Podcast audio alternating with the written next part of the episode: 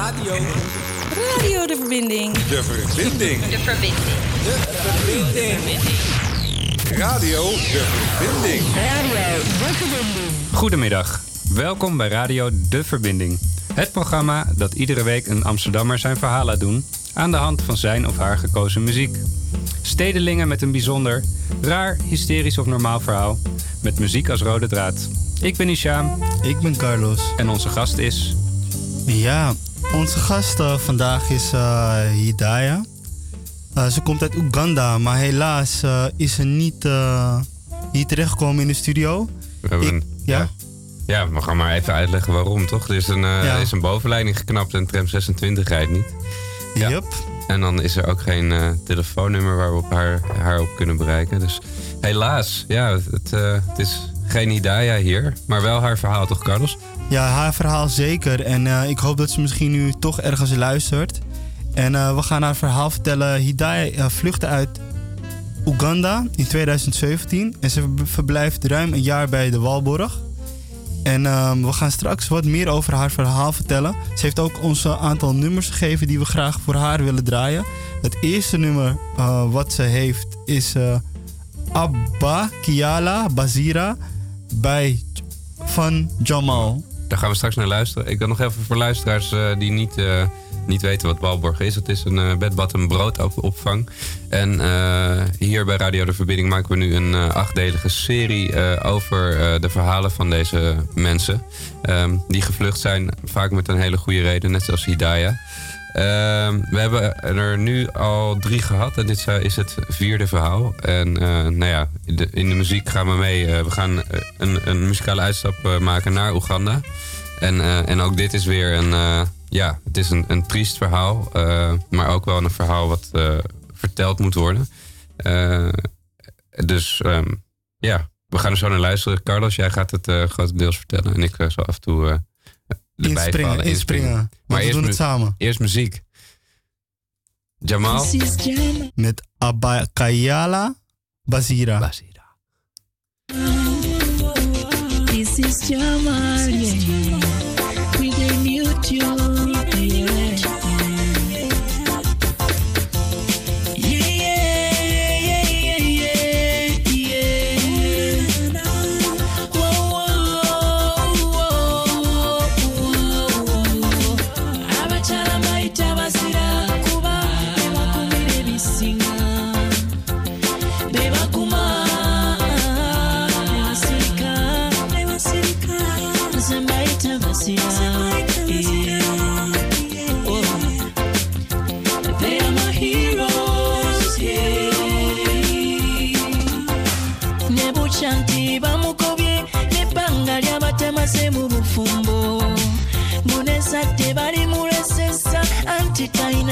talinayo kika Oh, kyokka nga n'obudde buweddeyo oh. abamulaba be batono. Gwobeera oyo muyita oh, otya ah, ah.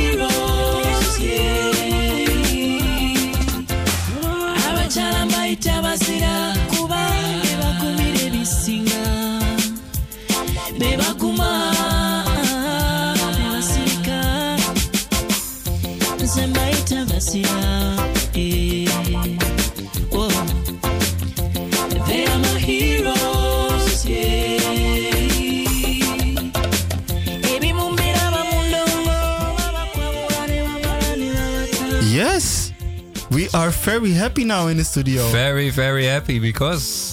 Why, Carlos? Our special guest is in the studio. Hidaya is here. Yes, ik, ik wil bijna gaan applaudisseren. Ik hoop dat iedereen yeah, we're gonna do that. We're gonna Yeah, give we're- her applause give- on the radio. She made it. It was uh, it was not easy. wa- Was it? No, it wasn't. Actually, I didn't know that the tram wasn't working. Yeah. Uh, but I decided to just walk my way because I know the place. Okay, perfect. Oh, you walked. Yes. Like, okay. You've, Yeah. you've been here before. Uh, not in the studio, but in this building, yes. Ah, okay. Yeah. Good. For a conference or something? Uh, talk shows, conferences, and stuff like that.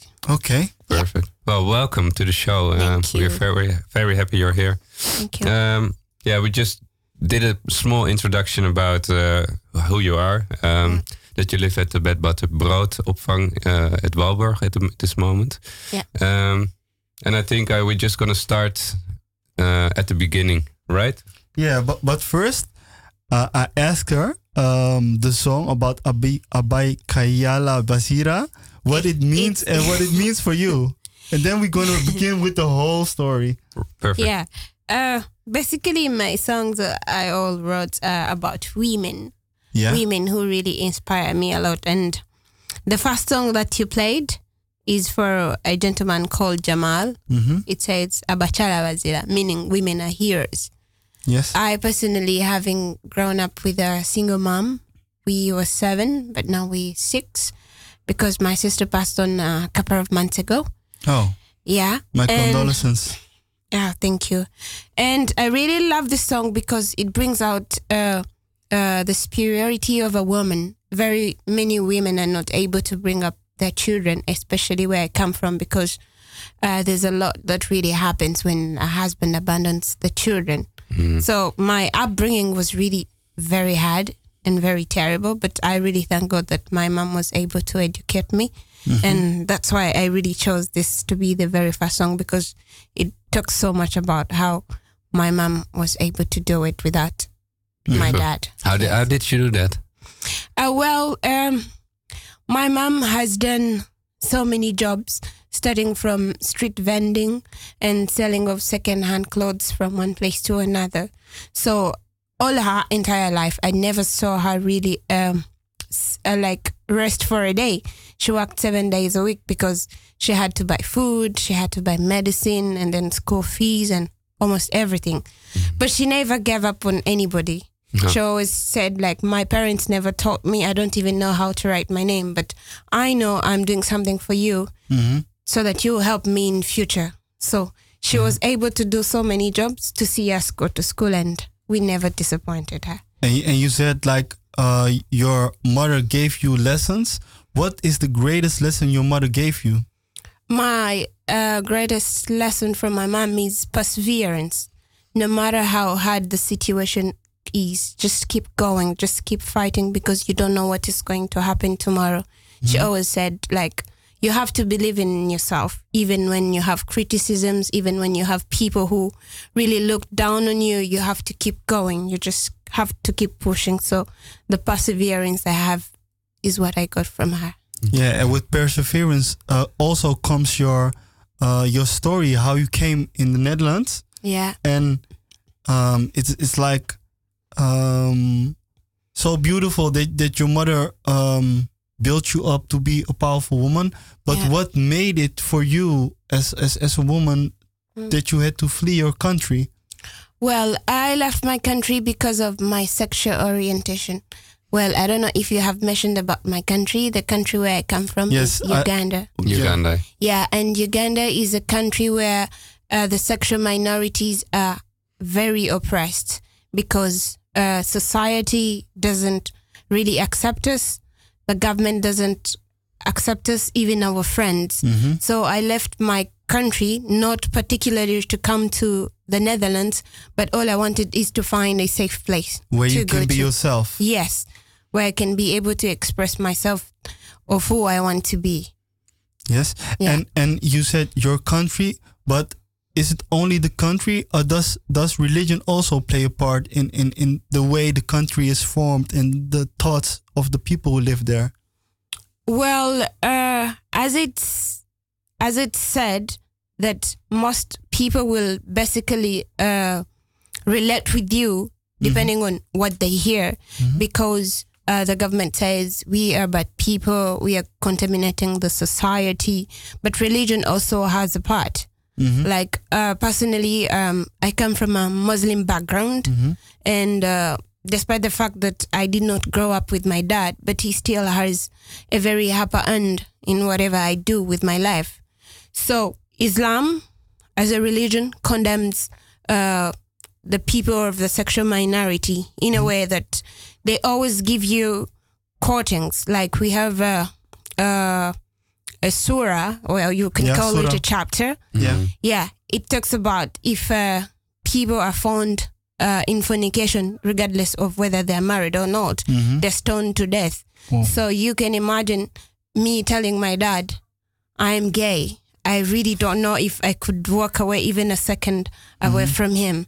So it's not just about community, it's even about the people we love Mm-hmm. Even the people we call our friends or even the people we socialize with because in Uganda it has been proved that people who really come out to to say who they are that I'm gay, I'm lesbian or whatever, they're always attacked. Mm. They're always attacked. So people are very afraid of their lives, including myself. I couldn't really come out to tell anybody apart from just a very close friend who I was able to confide in, but it's always very hard. Yeah. Yeah. Yes. So, and and and the, the, so there there is there is a gay community, community but it's uh, in an underground community, or is how does that work? Uh, well, we don't really have a gay community No. because people really, like I said, they're very scared to come out because once someone, even if you're going to ask for a job and then somewhere in your interview, Yeah. you're supposed to lay out who your gender is, who the kind of person you are. You have to tell that? Yes, Wow. yes, you have to. And it's also possible like somebody uh, has an interview with you and, and, and nowadays everybody has things on Facebook and they can see something at Facebook and that you're with a woman that they Yeah. also can say like you're gay. We don't want to uh, Definitely nobody will employ you if they get to know you're gay because everybody still believes you are a bad person. They cannot really uh, say the extent of who you are, but just in the mindset, it's, wrong. It's For them wrong. it's wrong. It's wrong. It's forbidden. It's uh, like the Islamic way, how they say it, it's haram. It's not Oh, yeah, really, ha- really mm. accepted, mm-hmm. which I think is not the way because everybody has the right to be whoever they want to be. Yeah, and I, Yeah. it's my personal belief like God is love. So Yeah, you- I, if I you love personally believe if you don't love people, if you don't associate with people, if you don't help others, Mm-hmm. I personally believe you don't have love mm-hmm. because love is mm-hmm. a, all about giving and sharing. yes, Yeah. Yes. Yeah. Um, I can talk to you the whole day, uh, but we're going to the music again. Uh, Banyabo from Rema of Rima. I don't how know don't know how to pronounce it, but can you tell us something about the song? Yes, uh, this is called Remana Namakula. It's called Banyabo. It's still a song that talks about women. Banyabo in my local language means like women or ladies.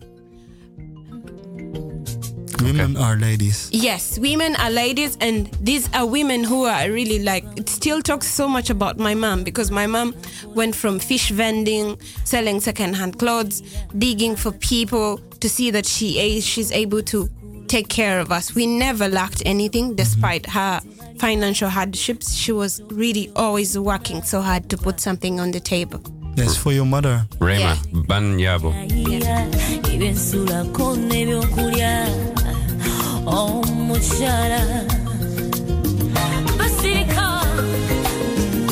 baguma banyigirizibwa naye bakola. Independent woman african woman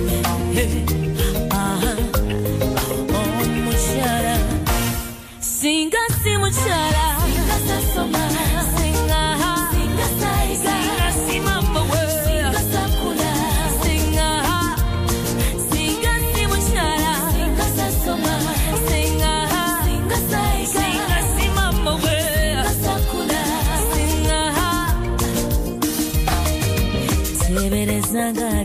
ng'ali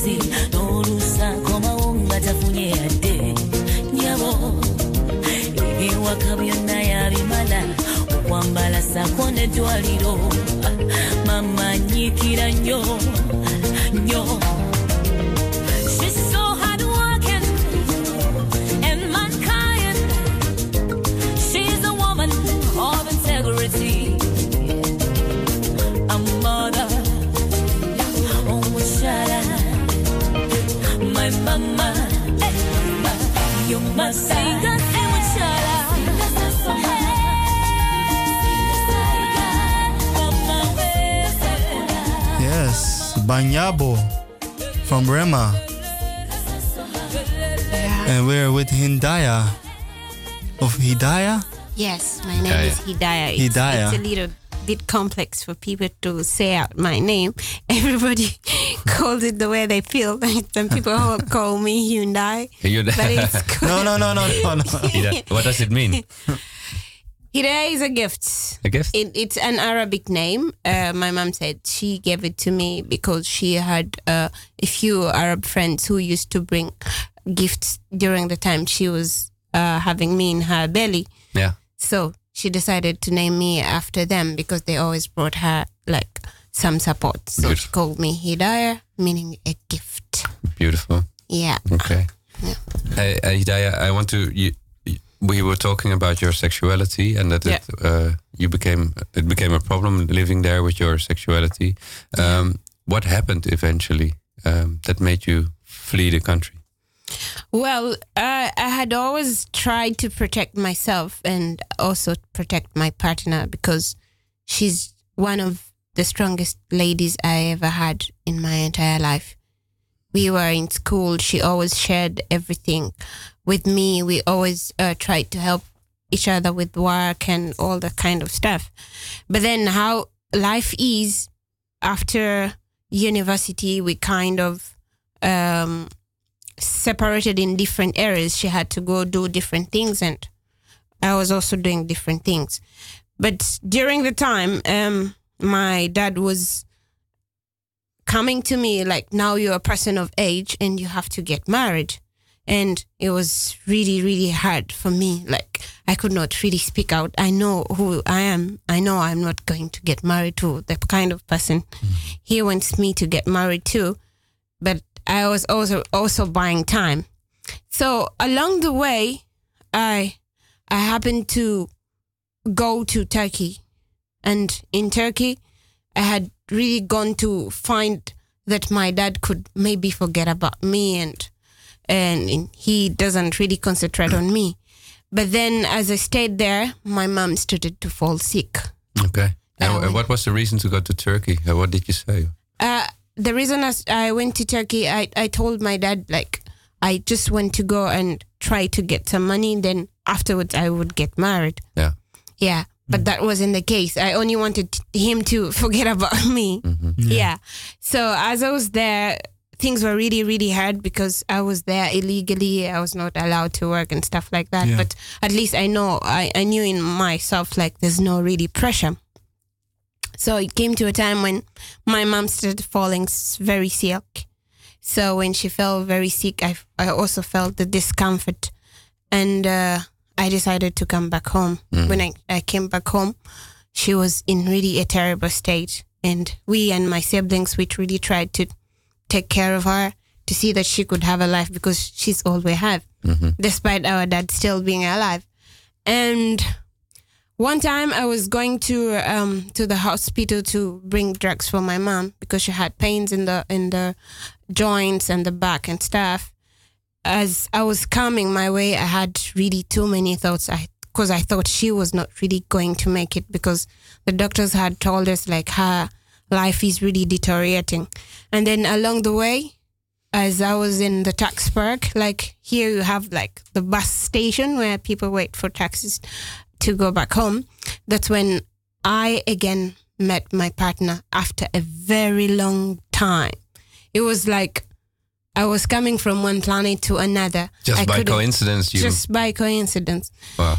So when I met her, like she had completely transformed into a different, beautiful woman I could not even imagine. Then she asked me, like, I looked for you, you cut off communication, I could not get you anywhere. What happened to you? I told her, like, there's so much that was happening to me, and my dad is so much on pressure that I have to get married. Said, Oh, that's really so sad. So I asked her about what's your life? Then she said, Yeah, I have a small business that I do in um, Kampala suburbs. It's called Machindia. It's near also the capital city. I have some errands I always run there. So if you get some time, you can always come to me. So that was like turning point because I could not really believe I have met her again. Mm-hmm. So when I took the drugs to my mom, I knew she was sick. I knew she was not really going to make it because she was really very ill. Mm-hmm. But at one point, um, I was happy because I had met Benita again. Yes. There So- was some light in the darkness. Yeah, like I felt a little bit of more hope mm-hmm. this time because for all the time that we had sep- we didn't really separate. Like everybody moved separate ways, and we never had any contact. I never got into any other person because I always felt like my heart still belongs to her, and I always had this hope that I would see her again, though I didn't really know how long it will take. Um, as I was home with my mom, I started to think like, can I tell my mom what is really happening? But then I'm like, she is sick. She's not used to this kind of situations. Maybe I'll break her heart. Yes. Mm-hmm. So I was very hesitant. I'm like, I still need to think over. But in the meantime, after having seen her, she was really looking so beautiful. Mm-hmm. And she was financially stable after our discussions. And she had told me where she has a shop. So I went to her shop. She had uh, the second hand clothes and sh- she was really doing well. She told me, if you don't mind, you can always come here. You can always come here. We try to make ends meet.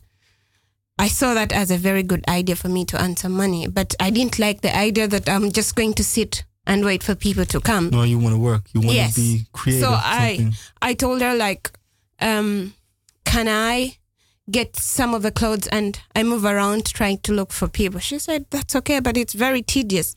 You know, uh, Uganda is always very hot. Sometimes it's uh, 40, uh, 35, almost all the time. So I did that for a couple of uh, weeks till when it was so tiresome for me. So she told me, like, I told you, this is not something you could easily do. It's better we just sit here and whatever God blesses us with just comes. So I stopped hawking. So we were always there waiting for people to come. Uh, to carry this, to cut the story short, that fateful day, we were in the evening and I had just tried to relax on the different, uh, like a small mat. We had our resting mat. So there was a, person who you, who came to pay for her dress. And the time when the person came, we did not actually notice that someone had come because I was having very many thoughts about my mom and her shop was also not doing very well because she had to take care of me, like pay me some money and then also herself. Mm-hmm. And then when this person came, she found us really, really too close. Mm-hmm. And I possibly think she watched us over a time. We embraced each other.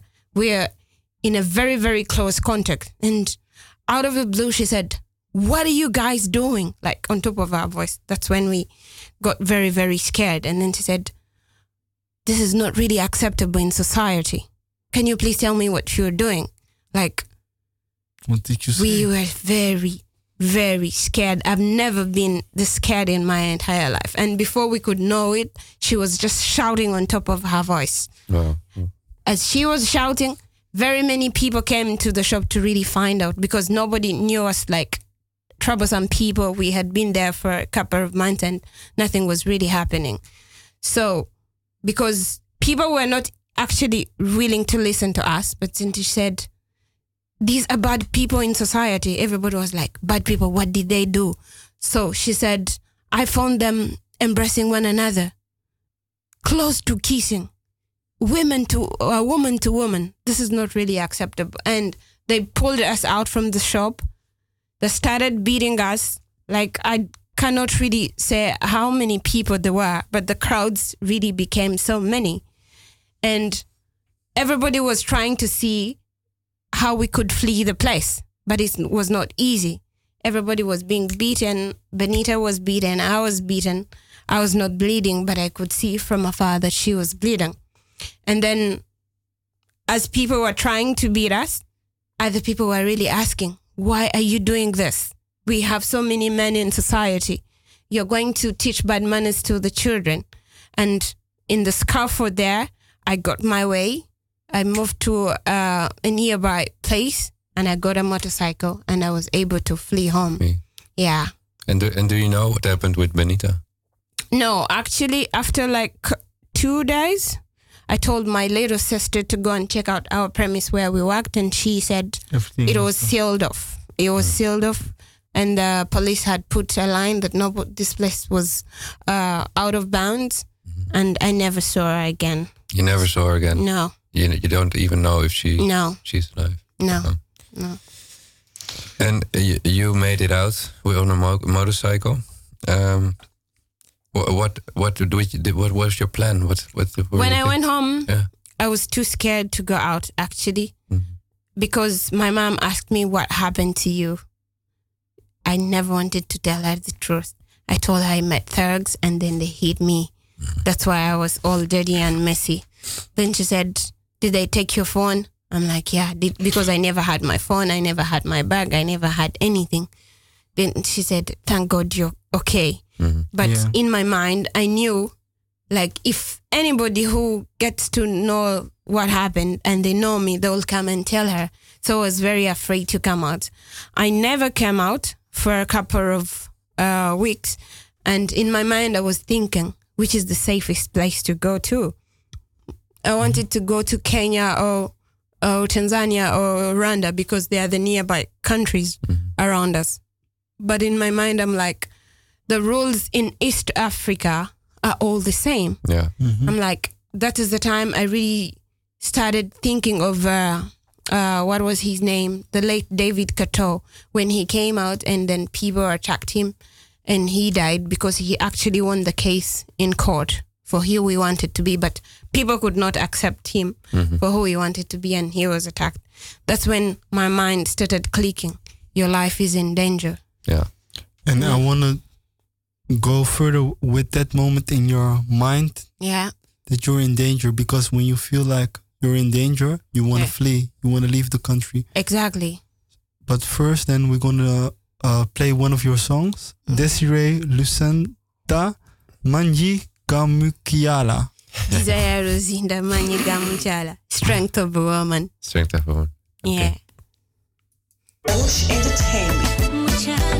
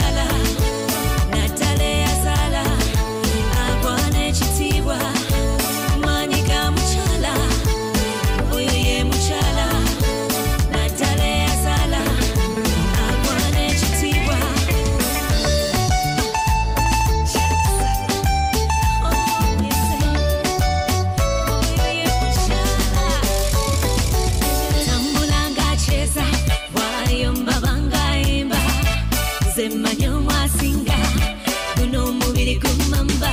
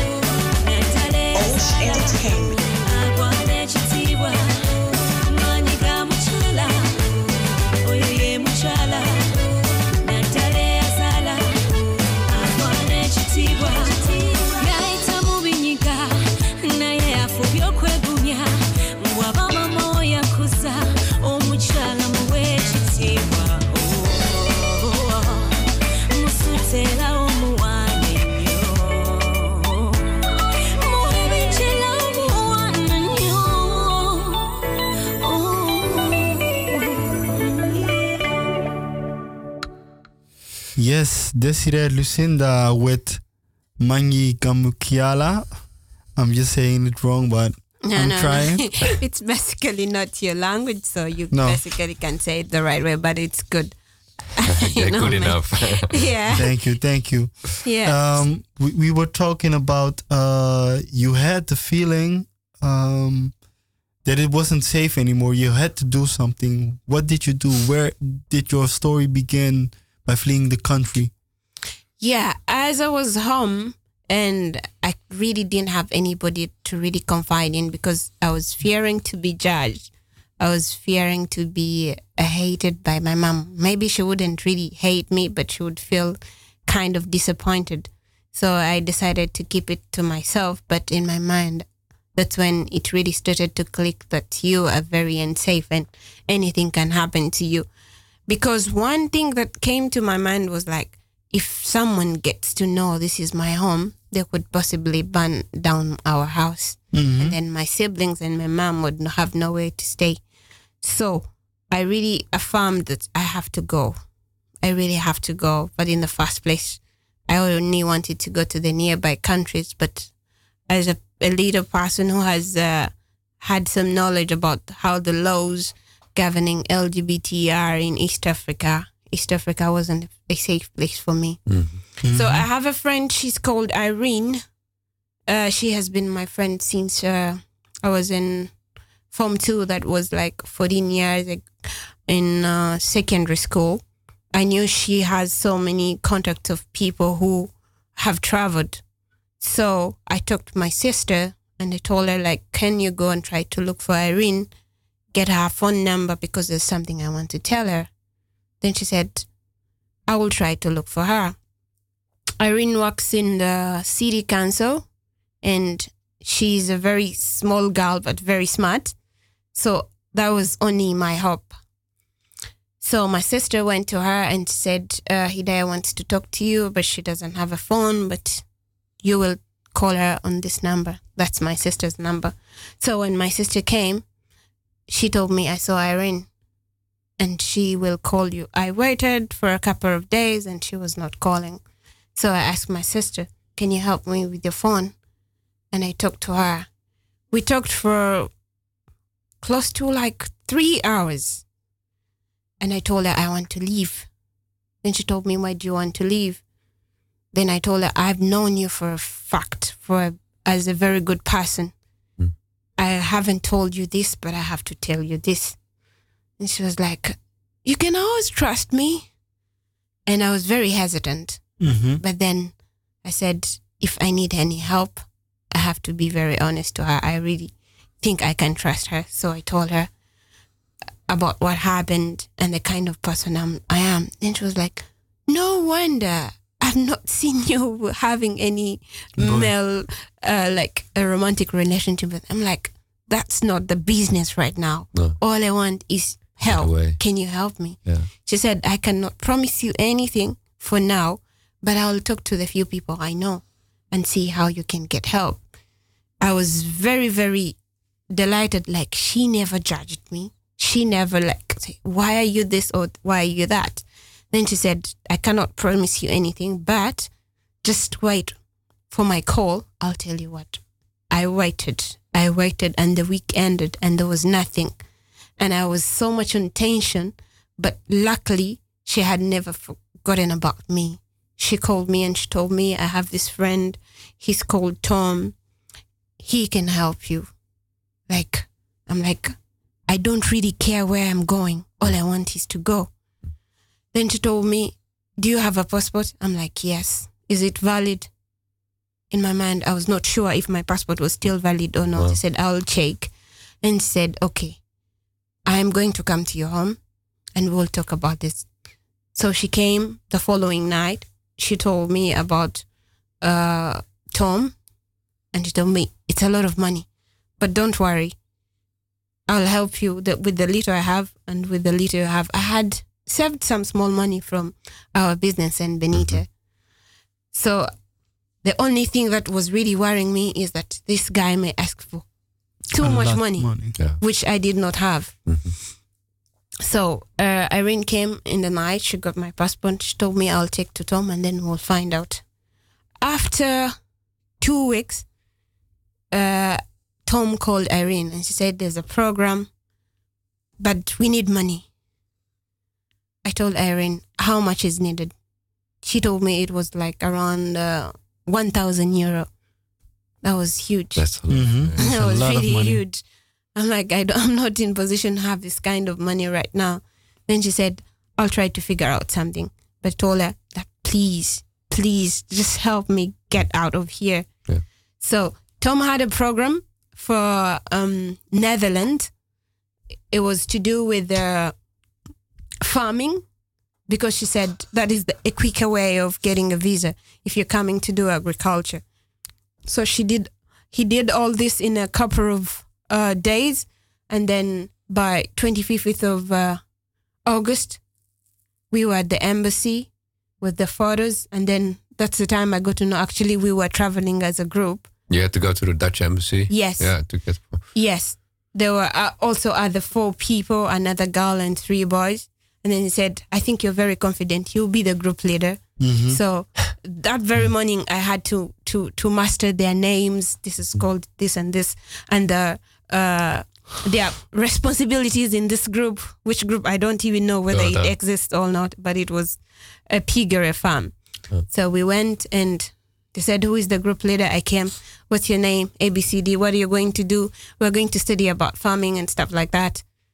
Within five minutes, I had paid uh, the visa fee and then she gave me a receipt. I sat. Then all other people also went. And then that time, Tom was waiting for us downstairs. He didn't come with us. So after we handed everything to him, and then he said, Just go. I will call you whenever it's done. I think it was around uh, 3rd of September. I'm not really sure around that time. That's when Irene called me. Hey, you got a visa. You're going to Netherlands. I'm like, "Oh, at least I have some relief. Mm-hmm. But then I told her, like, I don't have money for the air ticket. She said, I know you're a very good person because I've known you for quite some time. When mm-hmm. things are better, hopefully you will help my children or you can help me. Mm-hmm. I'll help you with this. But then we have to clear Tom. So she helped me clear Tom. And also the little money that I had, we were able to put together. And then she got me a ticket. And the biggest challenge was my flight was daytime. And many people had spot, uh, spent very many days without seeing me during day. And I was very, very afraid because in my mind, I'm like, maybe someone followed me and Yes. got to know my house. Yeah. And Or maybe if somebody gone- heard the story. Or, Yes. Yeah. So I told my mom, uh, we are going to the airport, but I need um, to do it very fast. Then she was like, why do you need to do it very fast? I'm like, because the flight will leave me. What time is your flight? My flight was 1.30, but I wanted to be at the airport as early as 6.30. Then she said, there's no need for you to go at the airport at that time. We'll go that time. But because I believed in her and I thought maybe because of the mother's protection, nothing will happen. So that day we traveled around 11 in the morning. And by around, because it takes uh, one and a half hours to be at the airport. And then I went through the airport. It was not very easy because in my airport, you have to pay money Hmm. to, to go. You have, yeah. You Yeah. to, to Yeah, to they'll always yes, they'll always make it very hard for you Yeah. because everybody believes when you go abroad, You I have think- money. Yes, so they'll always try to get something from you. But I didn't have much. I had like close to like fifty euro, mm-hmm. which I paid, which I paid, and she said, "Enjoy your trip," and I could not have any breath, not until You were the landed. flight was was up. Yeah. Because Then, then you felt free. yeah, in my mind, I always had this feeling like someone is following me, someone is following me. Mm-hmm. That phobia did not cease to happen, not until I landed in Doha because I had uh, a connection flight. and Entebbe, Doha, then Doha Yes, to doing Amsterdam. transfer, yeah. And then you came on in Schiphol. And then Yes. what was the feeling at that moment? when I arrived in Schiphol, uh, well, we were very many and everybody was going through the queue.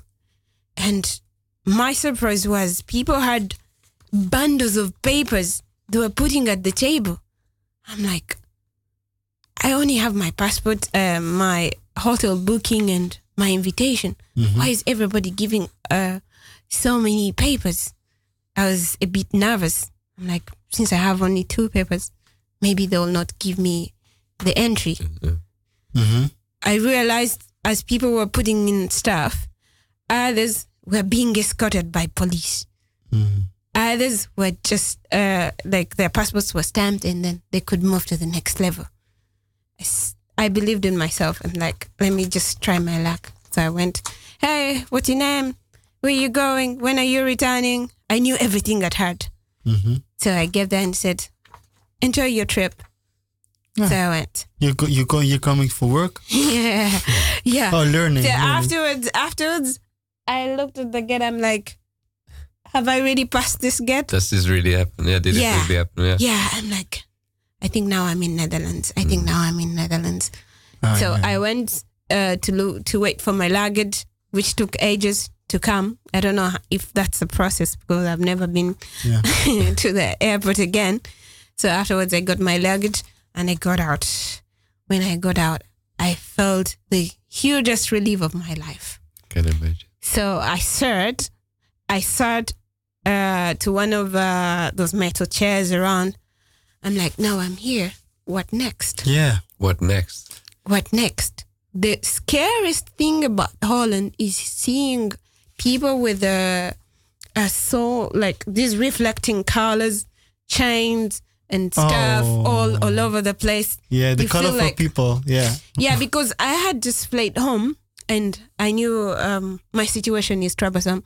In my mind, I'm like, these people don't know me, but why are they all moving around me? They were actually not moving around me. But you don't uh, mean the police. You, you you just mean people who have the Everybody who was having a reflector, and sometimes Yeah. people were the police. Like, there's so much patrolling the place. At some point, I'm like, has my uh, uh, has my government allotted these people that we are looking for yeah, this person looking or for something? me. Yeah.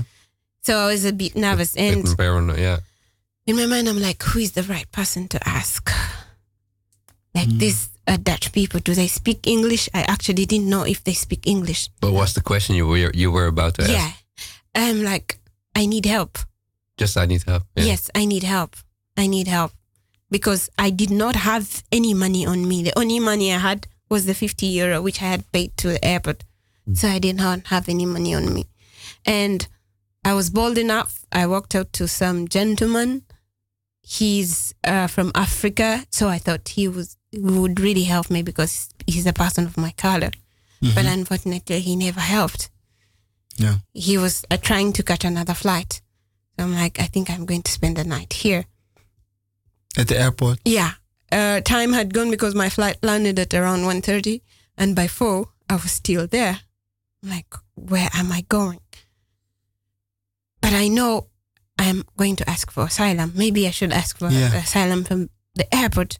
But where do I go? Because I was actually very afraid, even up today. I'm very afraid of uh, the police, the people who, who wear reflectors. Like they're in their uniforms, but they have those Yeah. green, green colors. yeah, I know what you always. mean. It's police. But are you afraid that they will send you back or something? Absolutely, absolutely. Because in, in where I come from, we don't have this very close bond with the police.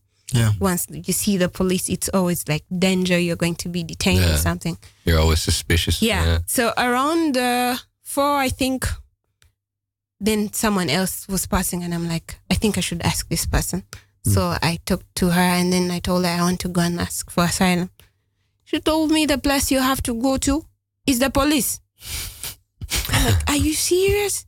And she said, yes, the police will really help you. I did not believe her. I said, let me continue to sit. It's still a bit early. I'll think of what to do.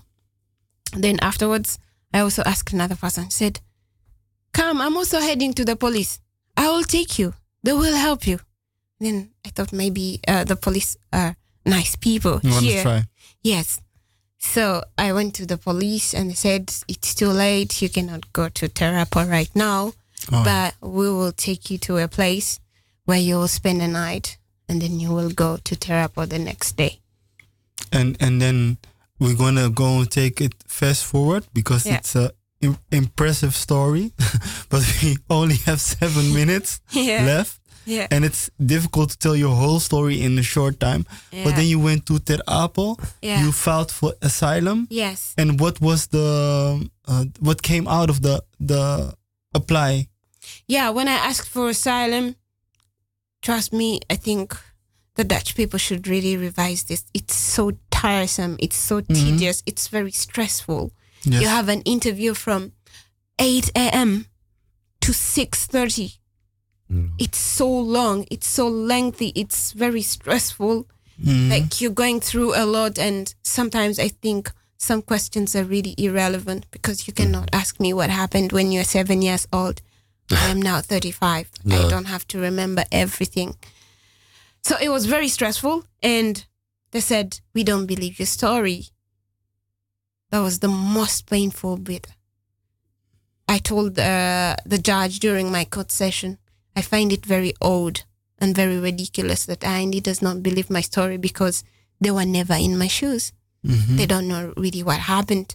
I don't know what machine they used to measure to find out this one's story is right because I tried to compare some uh, documents of people who have gotten their status and mine. There's no single reason they say, hey, we believed your story because we measured you, you are 70% right. So it's nothing like that. So my process actually, my asylum procedure ended in four months. I was in the camp on the 24th of September. By 30th January 2018, I was up on the street. Mm. And that's when I tried to start to figure out where am I going to get shelter because this time around I was not even mindful about um, the money that they give us in the camp.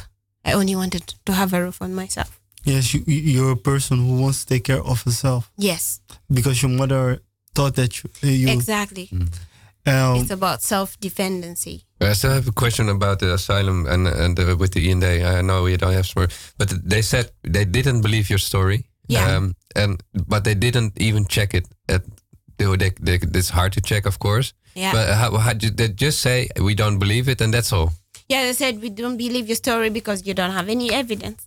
Okay. Yeah. And what what kind of evidence do they expect? Uh, maybe they, I, I, I probably think they expected me to have pictures of how I was beaten, maybe a police letter Yeah. that they were hunting for me or something like that, because the police was never looking for me. It's just the community that ganged up mm-hmm. against us. that and was and, and and you know you live in the country and you know what what the the thing yeah gevolgen Consequences. what the consequences Yeah. may be yeah, but yeah we we're going to end the interview it's not a nice way to end it yeah, just, just but i uh, want to ask Well, yeah, the, okay. the question like how does your future uh, Yes. look like what will what, will- what will your future be you're not you're not uh, a, a, a somebody who can see in the future but what is possible for you Uh, well, uh, I have to be brief about that.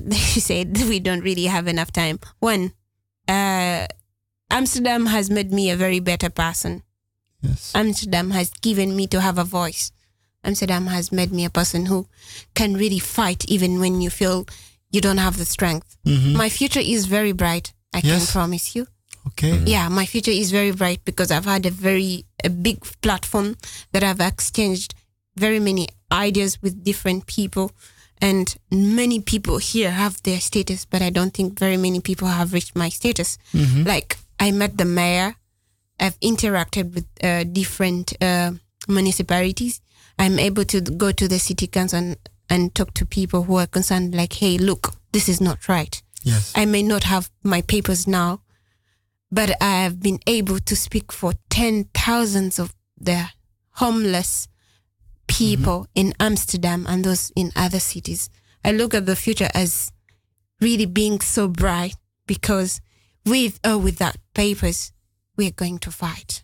yes Thank Yeah. you very much. Oh, this is this is so beautiful because I I don't know your mother, but if I hear your story, like this is the b- best gift your mother gave you. You don't give up. You're a fighter. Absolutely. And I'll keep fighting. Thank you. Hidayah, I, I, I do believe your story, and I'm so Yes. so happy sharing this story with us. And I, I really wish you all the best with the fight uh, because it is a fight for yourself, but for many others. And um, yeah, I think you're a very brave person, and thank you very much for being here. Thank you. Welcome. With, with with what song do you want to end? We have one minute. We have um, Um, I want Nindi you to dance. Musada Kuya Ghana. Kujagana, yes. Then we're gonna leave the listeners Yes. with that song. Yeah. Thank you, uh, Hafio Querido. Thank you, Salto. Thank you, Hidaya. Thank you, Walborg. Thank you, Walborg. And uh, we will play music next week and have a good interview again. essedu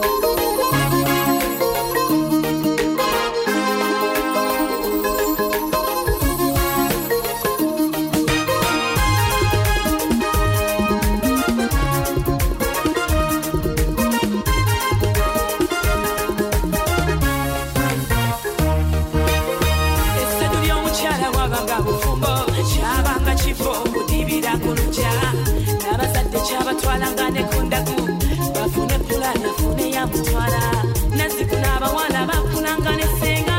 Namumulira embeera z'obufumbo ti wano tokola bwoti wano kola bwoti. Mwana wattu ebyo byaggwawo abakacyokano tuzaddemu ati n'ebira